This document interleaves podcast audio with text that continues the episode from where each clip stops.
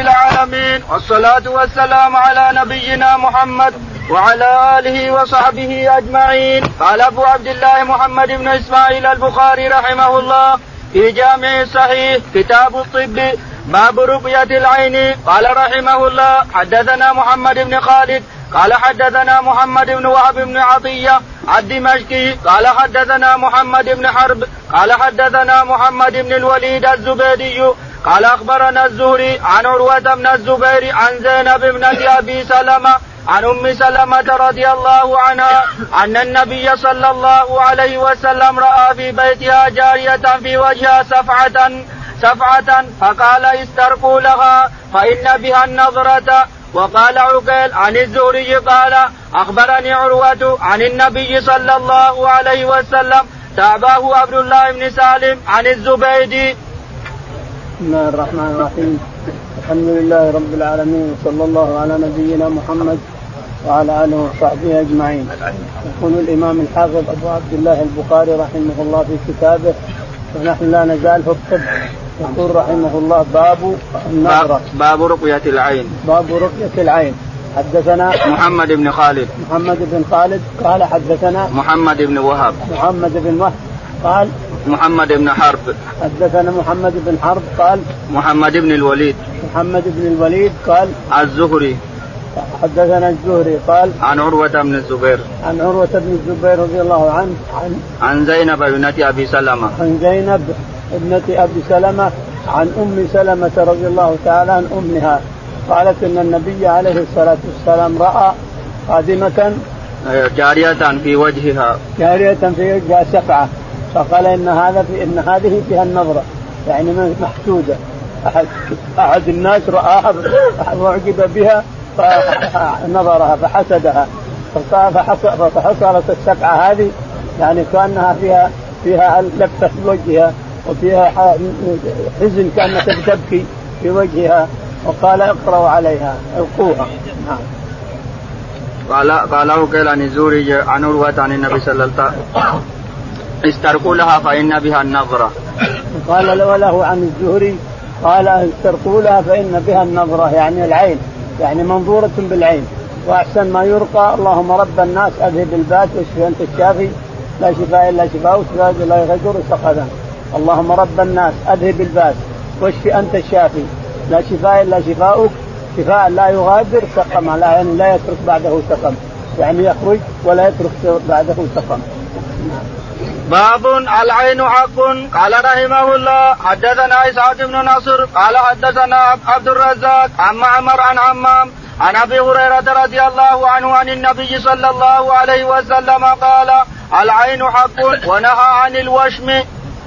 يقول البخاري رحمه الله حدثنا باب العين حق. باب العين حق يعني أنها يعني أنها تحصل حقيقة ما هي الوهم. العين تحصل حقيقة لأنها تخرج من إنسان في شر. إنسان آدمي في شر وتصادف إبليس لعنه الله أولاد أحد أولاده فيحصل النفس والنفس فتصير مثل الرصاصة نعوذ بالله. تضرب الآدمي مثل الرصاصة فيصاب بالعين. وهي معروفة. العين تبان من الإنسان. بعض الناس اليوم هذا بعضهم يشوف الإنسان اللي اللي أعجب بهذا الشخص يقوم يتبعه ويأخذ من أثره. أثر رجليه من التراب يأخذ من اثره ثم يغسل التراب يسقيها المعيون. يقولون بإذن الله إنه يبرأ المعين. أو يأخذ تمر يقول له كل يا فلان تفضل الله حيك كل تمر كل تمر. فإذا أكل أخذ الفصم وغسلها وأعطاها. المعين يبرأ بإذن الله. هذا يستعملونه الناس اليوم. أنا ما أدري عنه ما عملته لكن يقولون إن إنها يبرأ. إذا اسكاه أكله تمر وأخذ الفصم وسقاها المعين إنه يبرأ. أو أخذ من أثره تراب ثم خبه وسقه المعين إنه يبرا هذا مشهور عند الناس اليوم والله أعلم. الشاهد إن العين ما لها إلا الدعاء أحسن الإنسان. اللهم رب الناس اذهب الباس أنت الشافي؟ لا شفاء إلا شفاؤك شفاء لا يغادر سقما. نعم. قال حدث قال حدثنا إسحاق بن نصر. يقول البخاري رحمه الله حدثنا إسحاق بن نصر قال حدثنا عبد الرزاق. عبد الرزاق قال عن معمر. عن معمر قال عن حمام بن منبه. عن همام بن منبه قال حدثنا عن أبو هريره عن أبي هريرة عن رضي ابي الله هريرة رضي الله تعالى عن النبي عليه الصلاة والسلام قال قال العين حق ونهى عن الوشم. قال العين حق ونهى عن الوشم. العين حق أنها تصاب لأن النبي عليه الصلاة والسلام قال لو كان شيء سابق القدر لسبقته العين. لو كان شيء سابق القضاء والقدر لسبقته العين. يعني العين حق وتضرب الإنسان حق وتصيبه حق وتمرضه حقا يعني ما هو وهم وله يعني دجل كما يقول بعض الناس. إنما هو حق يصاب الإنسان بالعين من نظرة ينظرها أحد الناس. نعم. باب باب رقية الحية والعقرب. قال رحمه الله حدثنا موسى بن إسماعيل. قال حدثنا عبد الواحد. قال حدثنا سليمان الشيباني. قال حدثنا عبد الرحمن بن الأسود. عن أبيه قال سألت عائشة عن الرقية من الحمى فقالت رخص النبي صلى الله عليه وسلم الرقية من كل ذي من كل ذي حمى يقول البخاري رحمه الله باب الرقية من العين والحمى. قال حدثنا موسى بن إسماعيل. موسى بن إسماعيل قال حدثنا عبد الواحد. عبد الواحد قال حدثنا سليمان الشيباني. سليمان الشيباني قال عن عبد الرحمن بن الأسود. عن عبد الرحمن بن الأسود عن أبيه الأسود عن عائشة رضي الله عنها قال قال سألت عائشة عن عن الرقية من الحمة فقالت رخص النبي صلى الله عليه وسلم الرقية من كل ذي حمة. يقول الأسود سألت عائشة رضي الله تعالى عنها وكان يدخل عليها هو ومسروق مسروق يأتيها حينا والأسود بن يزيد النخعي يأتيها حينا ويسألانها من وراء الباب حطت ستر ومن أراد أن يسأل يأتي يجلس من وراء الستر ويسأل يا أماه ما معنى كذا وكذا يا أماه ما حدث كذا وكذا إلى آخره. وتفتيهم رضي الله عنها وأرضاها. يقول الأسود إنه سأل عائشة عن العين أو قراءة العين أو شيء من هذا. عن الرقية من الحمى. عن الرقية من الحمى. فقالت إن الرسول عليه الصلاة والسلام رخص في الرقية من الحمى وغيرها. رخص من الرقية من كل شيء من الحمى والقوسة وغيرها من كل شيء. نعم باب رقية النبي صلى الله عليه وسلم. قال رحمه الله حدثنا مسدد. قال حدثنا عبد الوارث عن عبد العزيز. قال دخلت أنا وثابت على أنس بن مالك. فقال ثابت يا أبا حمزة اشتكيت فقال أنس على أرقيك برقية رسول الله صلى الله عليه وسلم؟ قال بلى. قال اللهم رب الناس مذهب الباس اشفي أنت الشافي لا شفاء لا شافي إلا أنت. شفاء لا يغادر سقما. يقول البخاري رحمه الله حدثنا باب رقية النبي صلى الله عليه وسلم. رقية النبي عليه الصلاة والسلام. حدثنا مسدد. مسدد. قال حدثنا عبد الوارث. عبد الوارث. قال حدثنا عبد العزيز بن صهيب عبد العزيز بن صهيب عن أنس بن مالك رضي الله تعالى عنه أنه قال نعم. قال دخلت أنا وثابت على أنس بن مالك. يقول دخلت أنا وثابت البناني على أنس بن مالك رضي الله عنه وقلنا إنه يشتكي. قال يا أبا حمزة إن إنه يشتكي. قال ألا أرقيك؟ برقيه النبي عليه الصلاة والسلام قال بلى.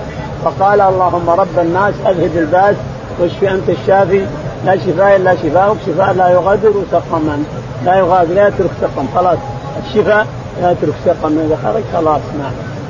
قال رحمه الله حدثنا عمرو بن علي قال حدثنا يحيى قال حدثنا سفيان قال حدثني سليمان عن مسلم عن مسروق عن عائشة رضي الله عنها أن النبي صلى الله عليه وسلم كان يعوذ يعوذ بعد علي يمسح بيده اليمنى ويقول اللهم رب الناس أذهب الباس اشفيه وأنت الشافي لا شفاء إلا شفاؤك شفاء لا يغادر سقما قال سفيان حدثت به منصورا فحدثني عن إبراهيم عن مسروق عن عائشة نحوه يقول البخاري رحمه الله حدثنا عمرو بن علي. عمرو بن علي قال حدثنا يحيى بن سعيد. يحيى بن سعيد القطان قال حدثنا سفيان الثوري. سفيان الثوري قال عن سليمان الأعمش. عن سليمان الأعمش قال حدثنا مسلم بن صبيح. مسلم بن صبيح قال عن مسروق. عن مسروق بن الأجدع قال عن عائشة.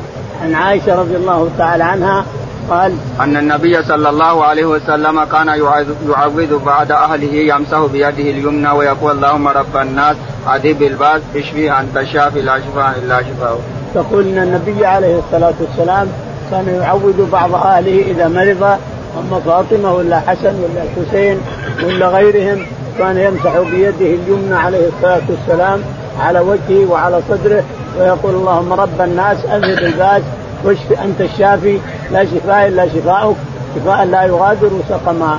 هذا الدعاء لا يقرأ على مريض إلا شفاء بإذن الله. إنما يطلب منه الإخلاص والنية والإسلام الصحيح. الإخلاص والنية والإسلام الصحيح. إذا حصل هذا وقراتها أنت على هذا الشخص وهو أيضا مسلم صحيح ومريض فإنه يبرا بإذن الله. لأن ما كل أحد يقرأ الحديث ويقرأ الآيات التي هي رقية ما كل أحد يبرا لأن القراءات لها شروط والرقية لها شروط الانسان فانت إذا كنت مسلما مؤمنا حقا مؤمنا بما قال الرسول عليه الصلاة والسلام وترقي هذا الحديث تقرأ هذه الآية تثبتها على أخيك المسلم أو تقرأ هذا الحديث مؤمنا به عن الرسول عليه الصلاة والسلام ومؤمنا مسلما فإن الرجل أن أنت مقبول الدعاء لأنه شفاعه دعاء دعاءك هذا لاخيك المسلم ويبرأ بإذن الله المسلم. إذا كنت مسلما حقا وتقرا على مسلما حقا فإنه يشفى بإذن الله. اللهم رب الناس اذهب الباس واشف أنت الشافي. لا شفاء إلا شفاؤك. شفاء لا يغادر سقما. هذا أكثر ما يدعو به الرسول عليه الصلاة والسلام على المرضى إذا أتوه نعم. قال رحمه الله حدثنا أحمد بن أبي رجاء قال حدثنا النضر عن هشام بن عروة قال أخبرني أبي عن عائشة أن رسول الله صلى الله عليه وسلم كان يرقي يقول امسح امسح البأس رب الناس بيدك بيدك الشفاء لا كاشف له إلا أنت. يقول البخاري رحمه الله حدثنا أحمد بن أبي رجاء. أحمد بن أبي رجاء قال حدثنا النذر بن شميل. النذر بن شميل قال حدثنا هشام بن عروة. هشام بن عروة عن أبيه عروة عن عن عائشة. عن عائشة رضي الله عنها قالت إن النبي عليه الصلاة والسلام قال كان يرقي يقول امسح البأس رب الناس. وكان يقول اللهم امسح البأس رب الناس امسح البأس يعني أذهب البأس. رب الناس لا شفاء إلا شفاؤك شفاء لا يغادر سقما بيدك الشفاء لا كاشف له إلا بيدك الشفاء لا كاشف المرض إلا أنت يا رب. نعم قال رحمه الله حدثنا علي بن عبد الله قال حدثنا سفيان قال حدثني عبد ربي بن سعيد عن عمرة عن عائشة رضي الله عنها أن النبي صلى الله عليه وسلم كان يقول للمريض بسم الله تربة أرضنا بريقة بعضنا يشفى سقيمنا بإذن ربنا. يقول البخاري رحمه الله حدثنا علي بن عبد الله. علي بن عبد الله قال حدثنا سفيان. سفيان قال حدثنا عبد رب بن سعيد. عبد رب قال حدثنا عمرة.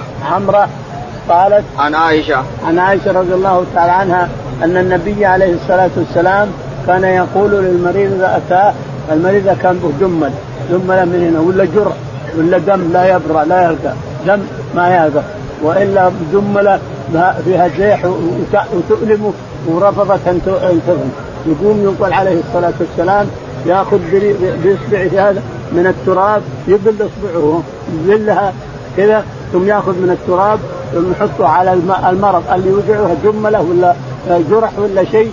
اللهم رب الناس اذهب الباس واشفي أنت الشافي. اللهم تربة ارضنا بريقة بعضنا تشفي به سقيمنا بإذن ربنا. هذا الدعاء بإذن الله يشفي مجرب.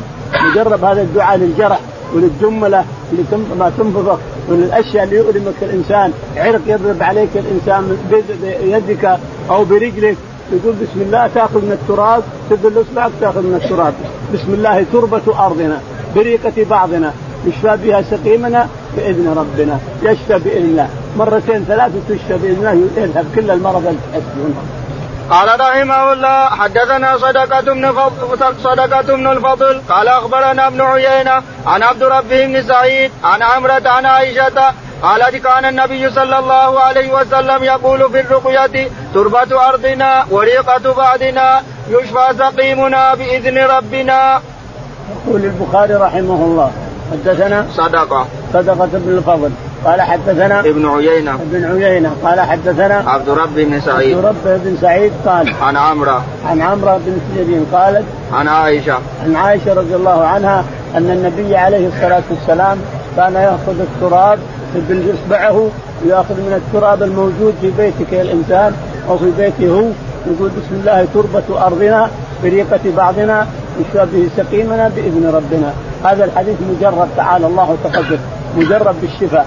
كل ما تضعه الإنسان على جرح يؤلمك أو عرق يضرب أو دملة منتفخة أو شيء من هذا مجرب بإذن الله ما تقراه على نفسك الإنسان أو يقرأه عليك أحد من المسلمين إلا شوف باذن الله مرتين ثلاث إلا يشفى بإذن الله. تحس بالعافية بساعتك يا الإنسان. نعم.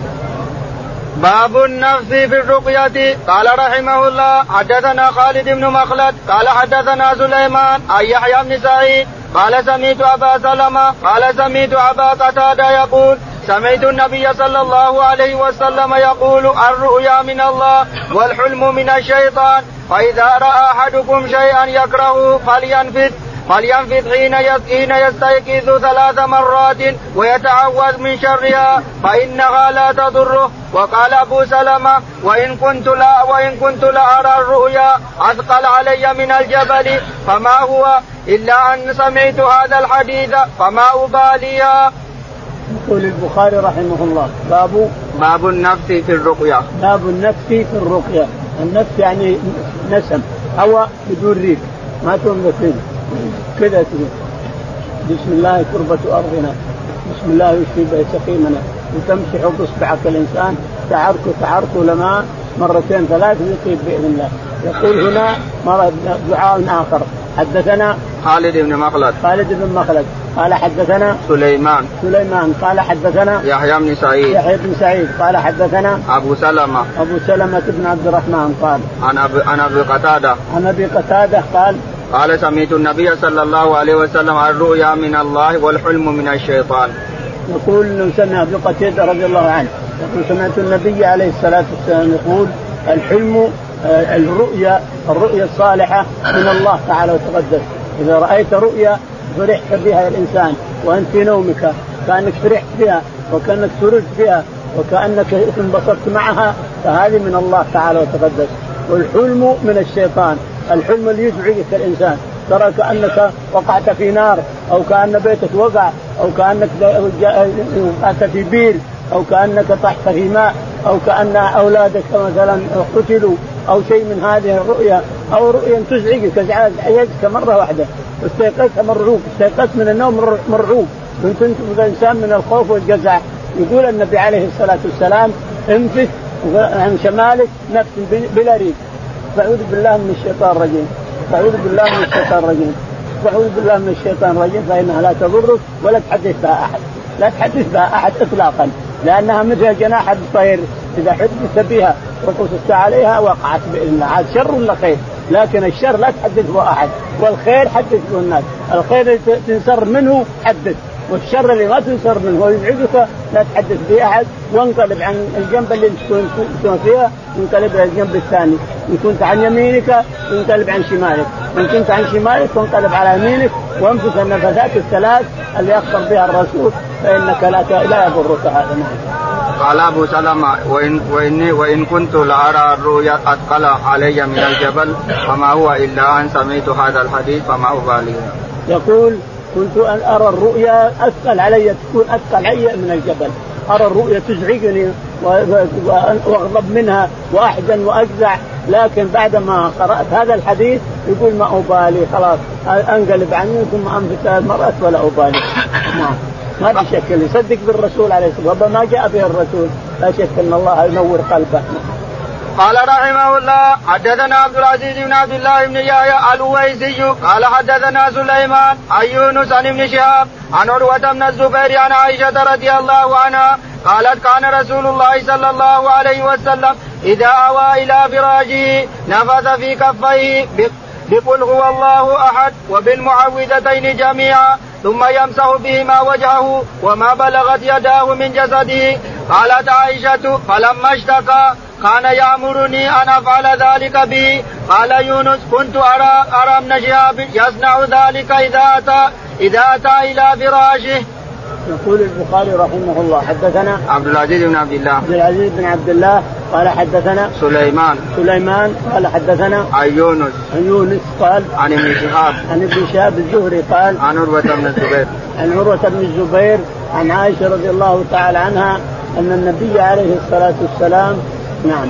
كان أن النبي صلى الله عليه وسلم كان كان رسول الله صلى الله إذا أوى إلى فراشه نفث في كفيه بقل هو الله أحد إذا أوى إلى فراش يعني اذا دخل إلى الفراش واضطجع على فراشه جاء بالاوراد التي وردت قبل هذا ثم بعد ذلك ينفث بيديه هكذا ينفث على يديه بالقلاقل وبعد ذلك يمسح وجهه ثم يمسح صدره من هنا وصدره من هنا وجميع ما تصل إليه يديه.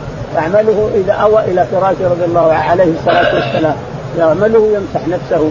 تقول عائشة رضي الله تعالى عنها فلما ثقل كنت أمسح على يديه أنفث على يديه وأقرأ القرآن اللي يقراه ثم بعد ذلك أمسح بيديه على نفسه. هكذا أمرها عليه الصلاة والسلام. فهذا لا شك أن الدعاء شفاء من كل داء وأنه حصن من الحصون التي يضربها الله تعالى على عبده. نعم. قال رحمه الله حدثنا موسى بن إسماعيل قال حدثنا أبو عوانة عن أبي بشر عن أبي المتوكل عن أبي سعيد أن رهتا من أصحاب رسول الله صلى الله عليه وسلم انطلقوا في سفرة سافروها حتى نزلوا بحي من أحياء العرب فاستضافوهم فابوا أن يضيفوهم. فلدغ سيد ذلك الحي فسعوا له بكل شيء لا ينفعه شيء. فقال بعض فقال بعضهم لو أتيتم هؤلاء الرهط الذين قد نزلوا بكم لعله أن يكون عند بعضهم شيء. فأتوهم فقالوا يا أيها الرهط إن سيدنا إن سيدنا لدغ فسعينا له بكل شيء لا ينفعه شيء. فهل عندكم فهل عند فهل عند أحد منكم شيء؟ فقال بعضهم نعم. والله إني لراق ولكن والله لقد استضفناكم فلم تضيفونا. فما أنا براق لكم حتى تجعلوا لنا حتى تجعلوا لنا جعلا. فصالحوهم على قطيع من الغنم فانطلق فجعل يتفل يتفل ويقول الحمد لله رب العالمين حتى لكأنما نشط من عقال. فانطلق يمشي ما به قلبة قلبة. قال فأوفاهم فأوفاهم جعلهم الذي صالحوهم عليه. فقال بعدهم اقسموا. فقال الذي رقى. لا لا تفعلوا حتى نأتي رسول الله صلى الله عليه وسلم. فنذكر له الذي كان. فنذر فننظر ما يأمرنا. فقدموا على رسول الله صلى الله عليه وسلم. فذكروا له فقال وما يدريك وما يدريك أنها رقيا أصبتم اقسموا واضربوا لي معكم بسهم. يقول البخاري رحمه الله حدثنا موسى بن إسماعيل. موسى بن إسماعيل السبكي قال حدثنا أبو عوانة. أبو عوان الوضاح قال حدثنا أبو بشر. أبو بشر جعفر بن وحشيه قال عن أبي المتوكل. عن أبي المتوكل قال حدثنا أبو سعيد. أبو سعيد الخدري رضي الله تعالى عنه أنها رهطا من أصحاب النبي عليه الصلاة والسلام بعثهم الرسول لحاجة فمروا على ناس من الأعراب بدو خيامهم عندهم غنم وعندهم أنعام فطلبوا منهم الأكل أو الشرب أو شيء من هذا فرفضوا أن يضيفوهم. ما هي عادة العرب؟ العرب الكرماء ما هي عادة يتركون الناس بلا ضيف. لابد أن ينزل بهم يضيفونهم. هذول لؤماء ما أعطوهم. فانتقم الله تعالى وتقدم منهم. بجند من بحشرة من جنوده. تعالى وتقدم. انتقم الله منهم بحشرة من جنوده. لاحظ. أرسل العقرب وقربت السيد. ما ما قرأت واحد ما له قيمة. لا قرأت السيد علشان يهتمون بالسيد. فيقول أبو سعيد الخدري. تنحينا عنهم قليلا. فلم نشعر إلا سيدهم. يصيح يصيح يصيح. فلما أخذنا قليل جاءنا واحد منهم. قال يا جماعة ان سيدنا لدغ من العقرب وإنه كل شيء عملناه به فلم يبرأ. هل عندكم شيء منفعة؟ قال أبو سعيد الخدري نعم عندنا لكن استضفناكم فلم تضيفونا. الآن ما نقطع عليه ولا نداويه إلا بجعل فجعلوا لهم أربعين طلق أو قال أربعين شاة. أربعين شاة جعلا للقراءة. فقام أبو سعيد نفسه رضي الله عنه وأرضاه. ذهب إلى سيدهم وتفل على القرصة رجله برجله القدم فتفل عليه. تفل عليه وقرأ صار يكرر الحمد سبع مرات. الفاتحة يكررها سبع مرات فبرأ كأن لم يكن له بأس. برأ بإذن الله. انظر ملك الملوك تعالى وتقدس. أنتم ما وجدتوا أصحاب رسول الله؟ أرسل حشرة من جنوده تلدغ السيد.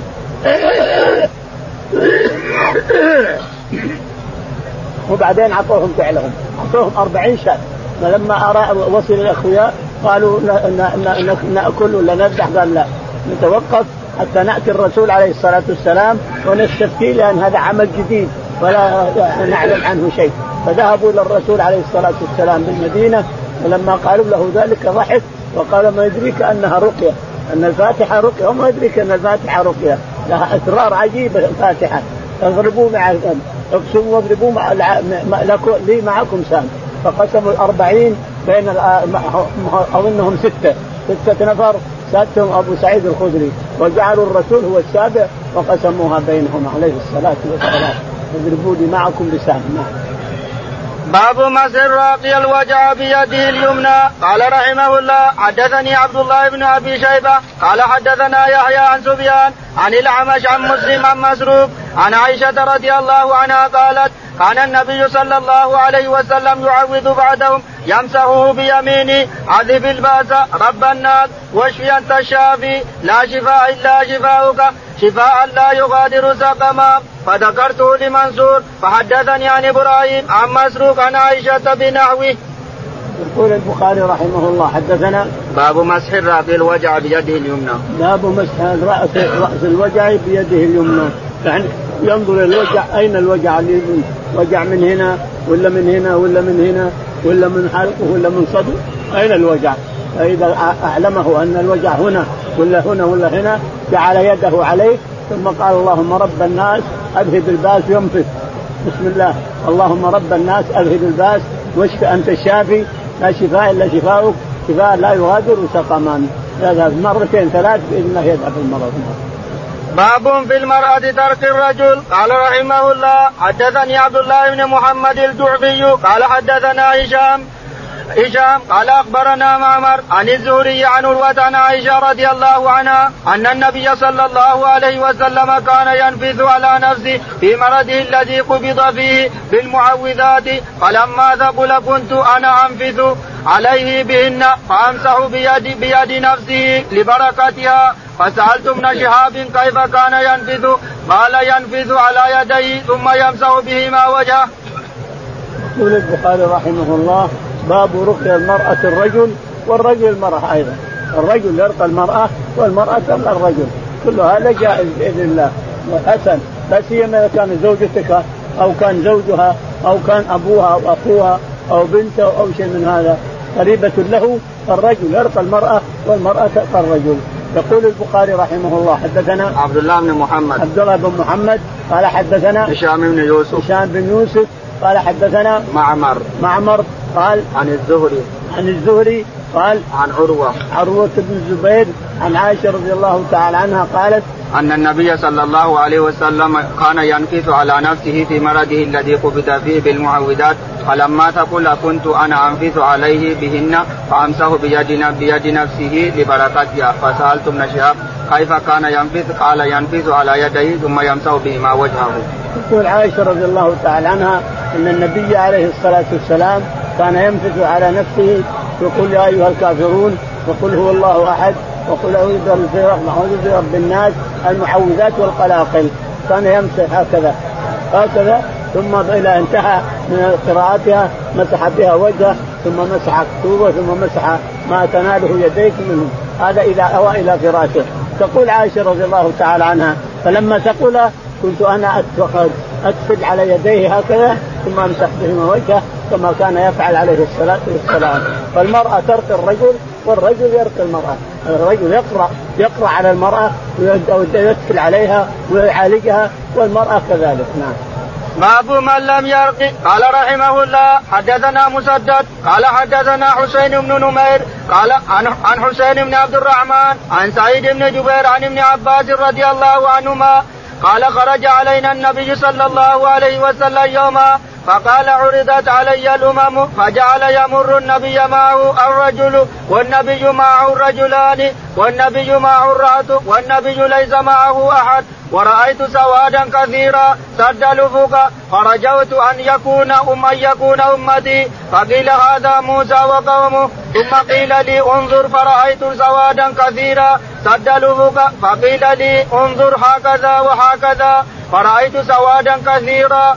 سد الأفق فقيل هؤلاء أمتك ومع هؤلاء سبعون ألفا يدخلون الجنة بغير حساب. فتفرق الناس ولم يبين لهم. فتذاكر أصحاب النبي صلى الله عليه وسلم. فقالوا أما نحن فولدنا بالشرك بالشرك. ولكن ولكن ولكن آمنا بالله ورسوله. ولكن هؤلاء هم أبناؤنا. فبلغ النبي صلى الله عليه وسلم فقال هم الذين لا يتطيرون ولا يسترقون ولا يكتوون وعلى ربهم يتوكلون.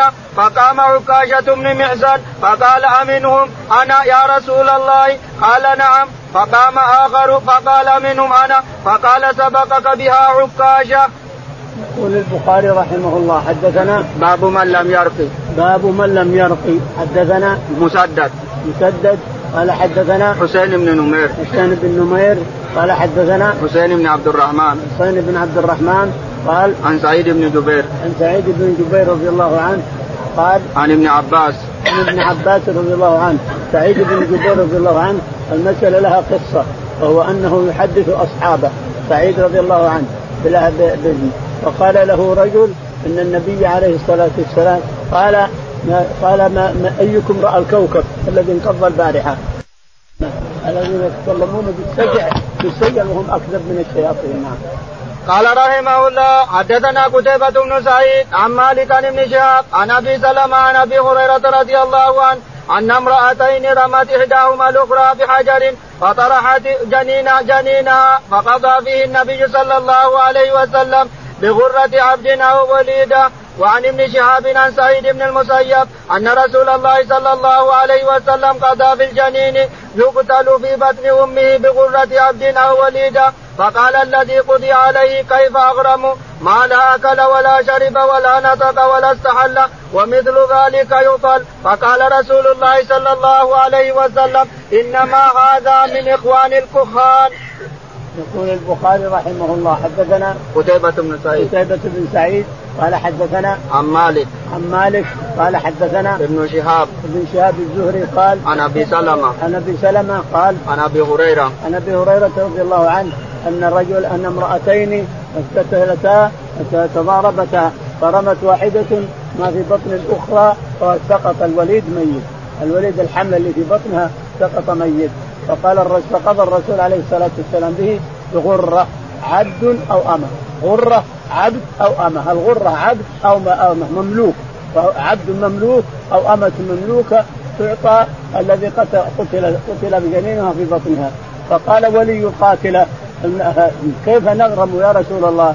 كيف نغرم من لا نطق ولا استهل ولا شرب ولا أكل ولا ومثل هذا يطل. قال إنما هذا من الكهان.